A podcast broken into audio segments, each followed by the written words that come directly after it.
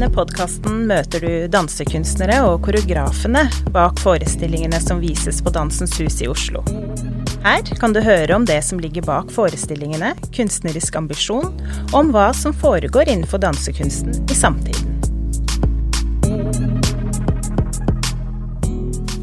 I denne episoden møter dere Martin von Kaufenberger fra det belgiske kompaniet Fotfolk.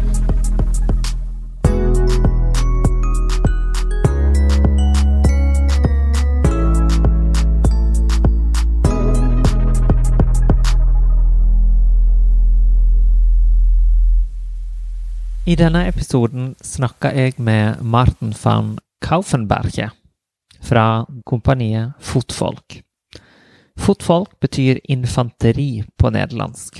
Og dette er altså et eh, belgisk dansekompani grunnlagt i 2007 av danser og koreograf Lisbeth Gruves og musiker og komponist Martin van Kaufenberge. De ble først kjent med hverandre da de jobba sammen med den belgiske regissøren og koreografen Jan Fabre. Etter samarbeidet med Fabre har de skapt elleve forestillinger sammen, og flere av de har blitt vist på Dansens Hus. Måten de jobber på, handler om en stadig pågående samtale mellom kroppslige og auditive bevegelser, der eh, sammenhengen mellom det fysiske og visuelle alltid holdes levende og er en viktig del av forestillingene. Auditive bevegelser er altså bevegelser som kommer fra musikken, og som kan påvirke publikum. Lisbeth Gruves studerte ved The Royal Ballet School of Antwerp over Parts, og begynte sin profesjonelle karriere som danser i Ultima Ves.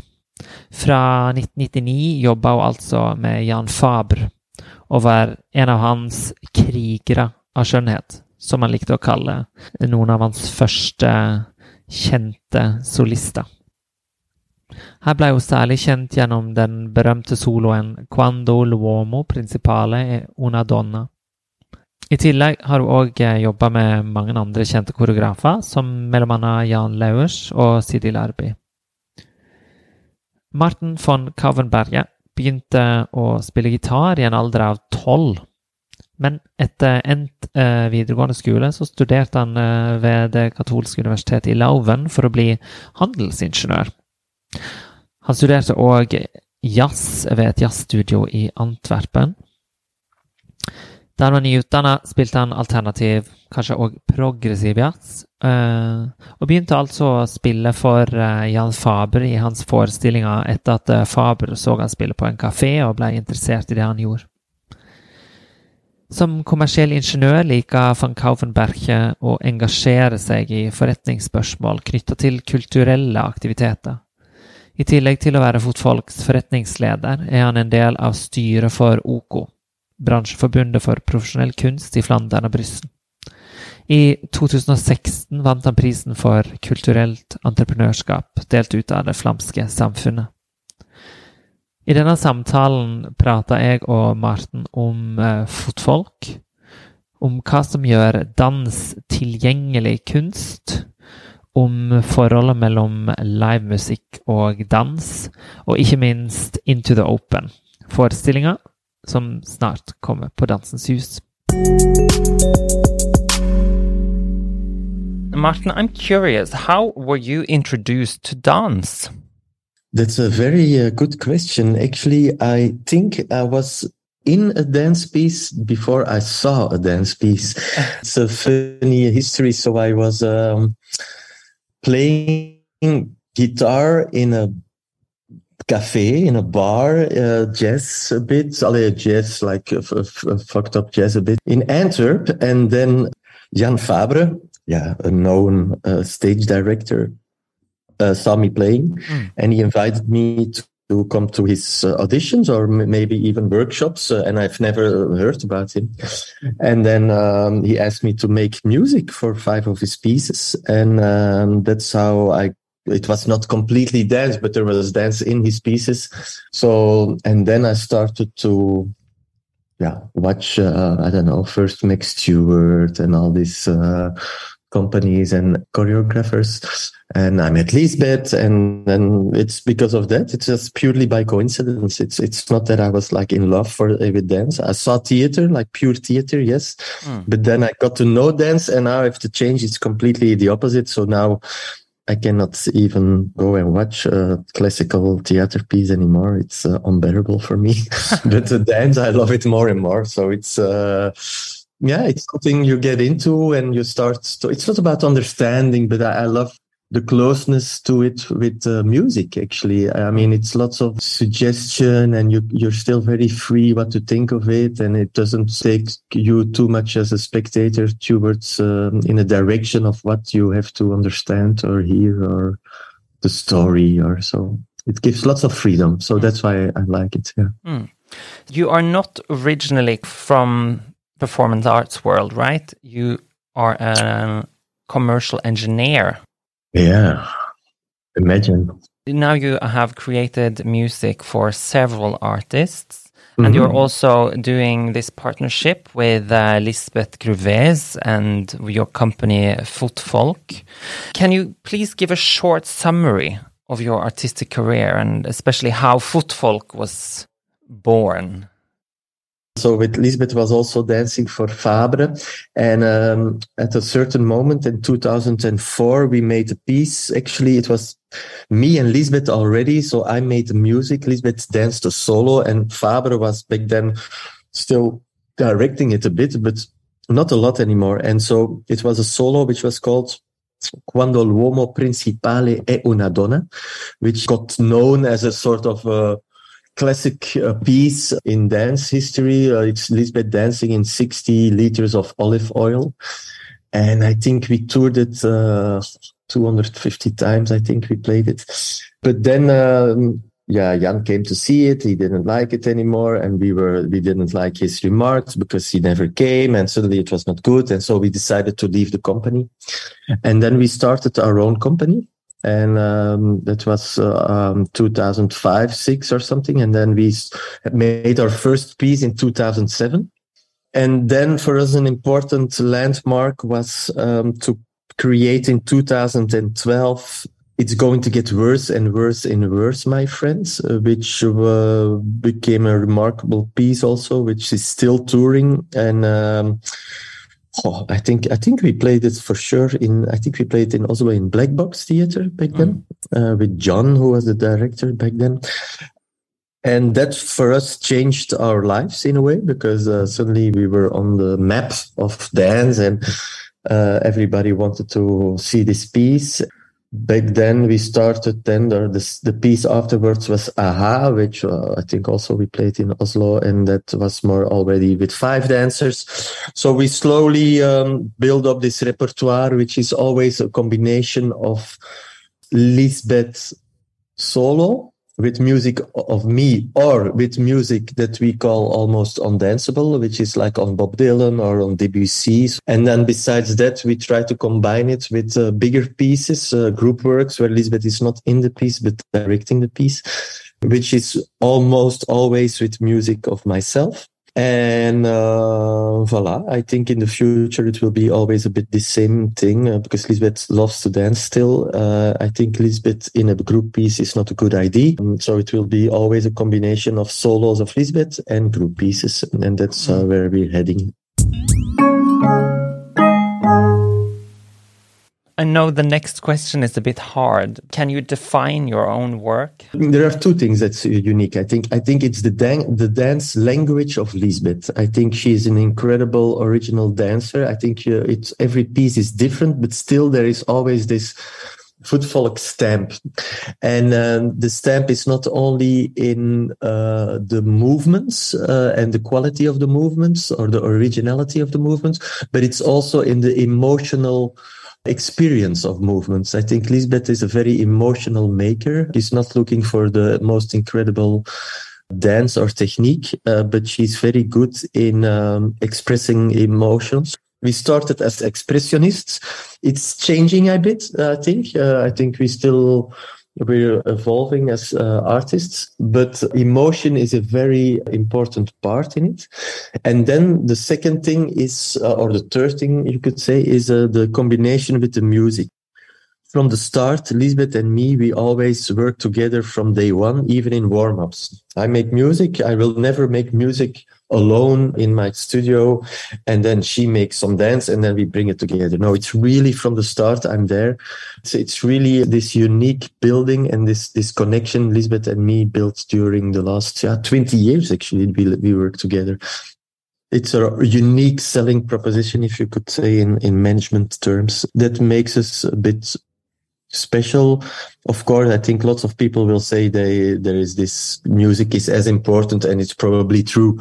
But it's just when I feel reactions of when I when I see reviews or or when I talk with people or commissions, they always talk about this special connection between Lisbeth and me as two makers and that we that it's not easy that that you work 20 years together and you're still doing it that means we have to have uh, not too much egos, so we're we're capable in um, putting our own ego a bit at the side to work together. It's not easy. It goes with ups and downs, and and we have relations uh, crises uh, a lot, uh, but we always manage to uh, make good work. And your last work is coming to Oslo. Yes. How do you describe Into the Open, Martin? And this show is really it's a concert without singers but with dancers. Yeah and it has uh, uh, it's it's a sort of small slightly parody on all rock elements. So you so we started from okay what do you, we see on festivals and rock concert and all this bad uh, not bad sometimes but this typical rock musicians what do they do? And what does the audience normally do? What kind of dances you have in on on stage or, or, or in the audience like uh, this from pogo to to uh, waves together to to um, what is it crowd surfing. And so we we started from the elements of people are dressed on on in, in festivals how people behave on festivals. And we uh, made this uh, abstract a bit and we we used it we use it on stage.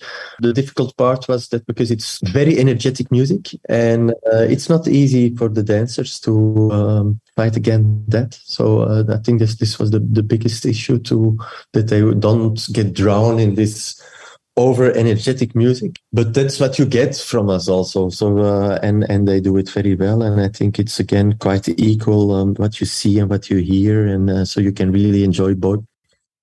Mm. so it's a lot of energy. It's this staging of the rock movements.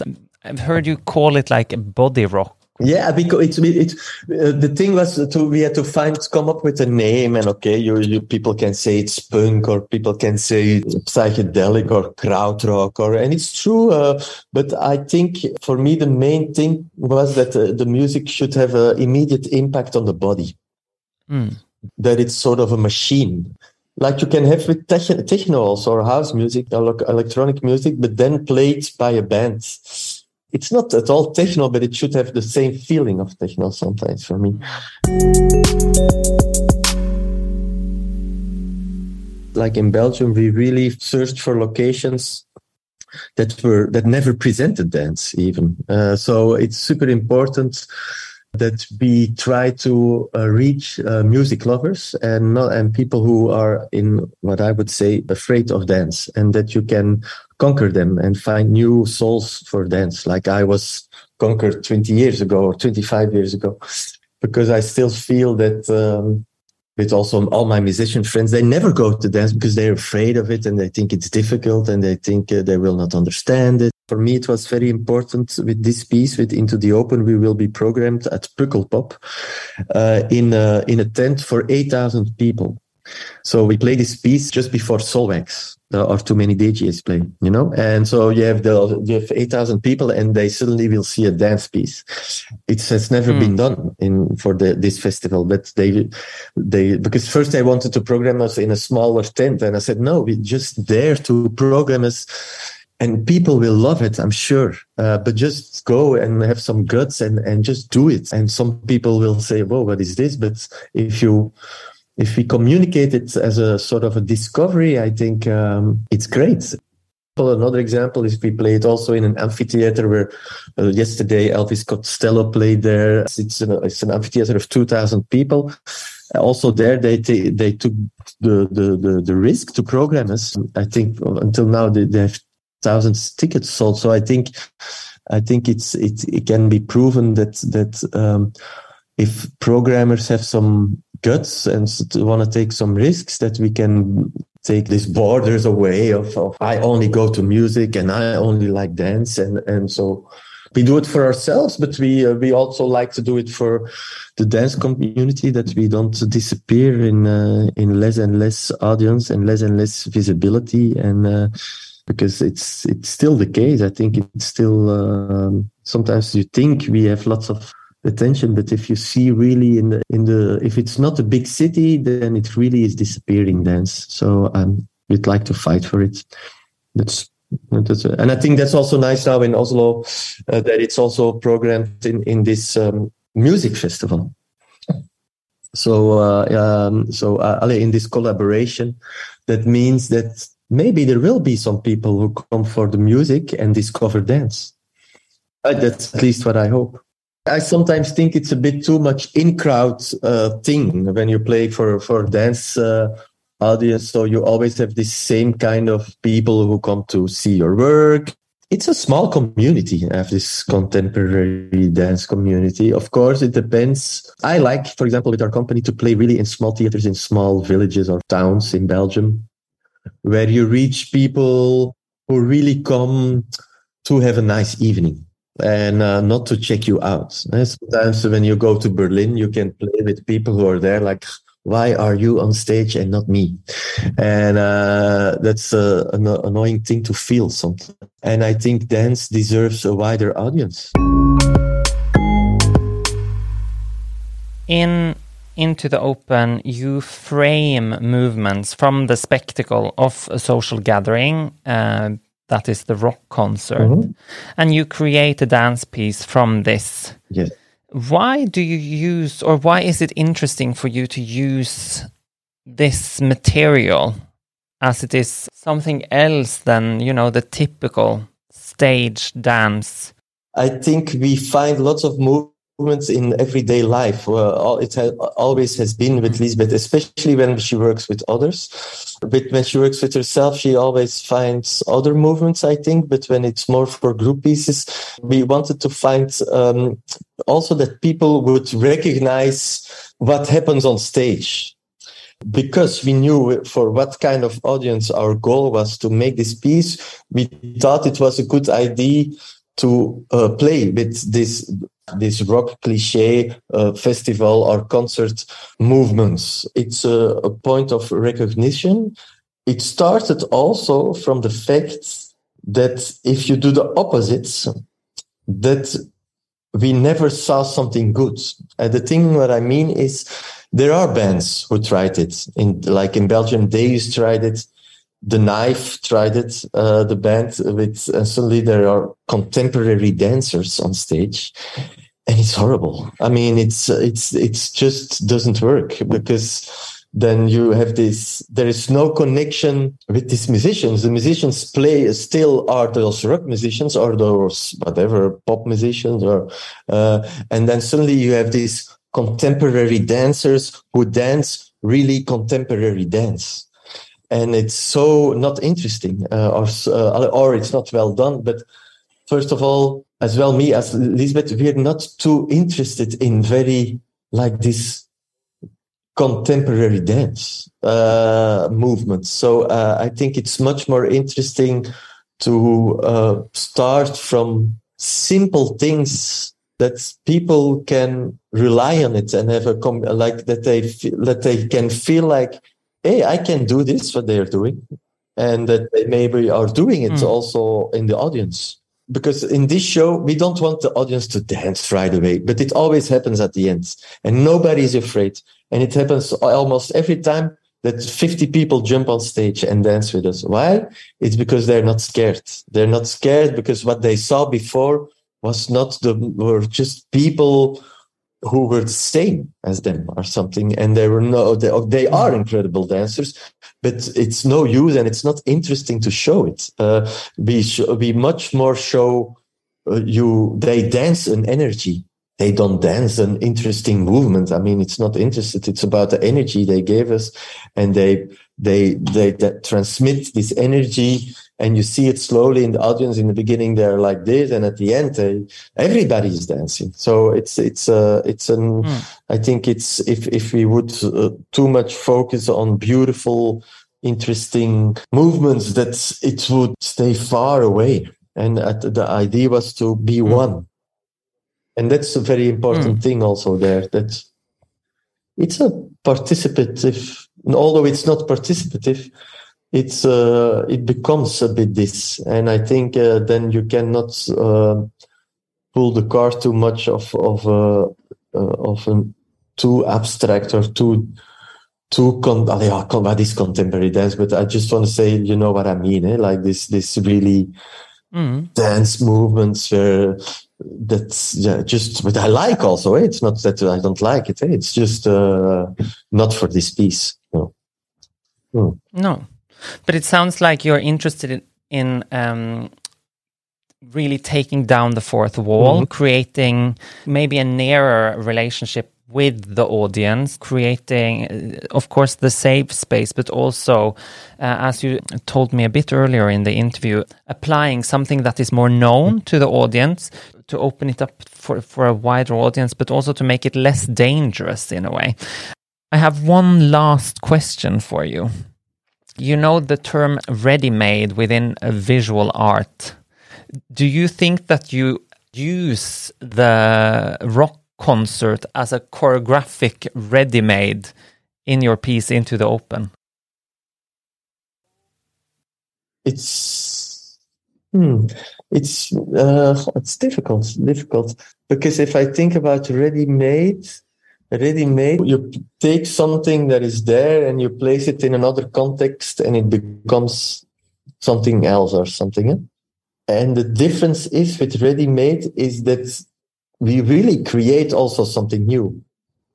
So it's it's it's not completely the same. I think we do.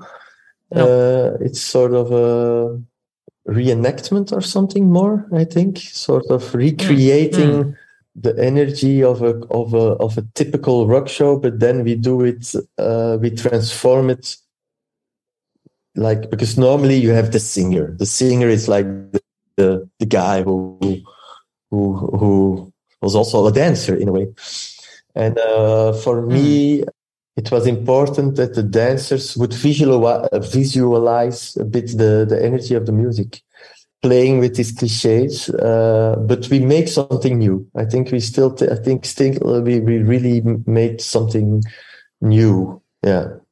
We sort of, um, yeah. So I don't know. I don't know. Mm-hmm. Yes, yes, it's a good, it's a good question. It's a good, uh, it's a good thought. It's uh, something um, I'm gonna think about more. it should, uh, yeah. Perfect. I would love to discuss it more when you come yes. to Dansens Hus. Yeah. Uh, we are all very much looking forward to yes. uh, be, being transformed into this body rock. It's cool. Uh, it's cool. Yeah, looking I'm forward. really looking forward to it. Uh, thank you so much for the talk, Martin. Yes, thank you. Uh, I wish you a wonderful week. Toy Toy in Amsterdam. You're going there now? Yes. Yes. Yes. and uh, have a lovely summer. Yes, you too. Enjoy yes. and thank you for the interest and the talk. Dansens Hus podkast er en inhouse-produksjon laget av formidlingskonsulent Jonas Øren. Musikken er skapt av Bassmo Beats, og mitt navn er CC Kolstad.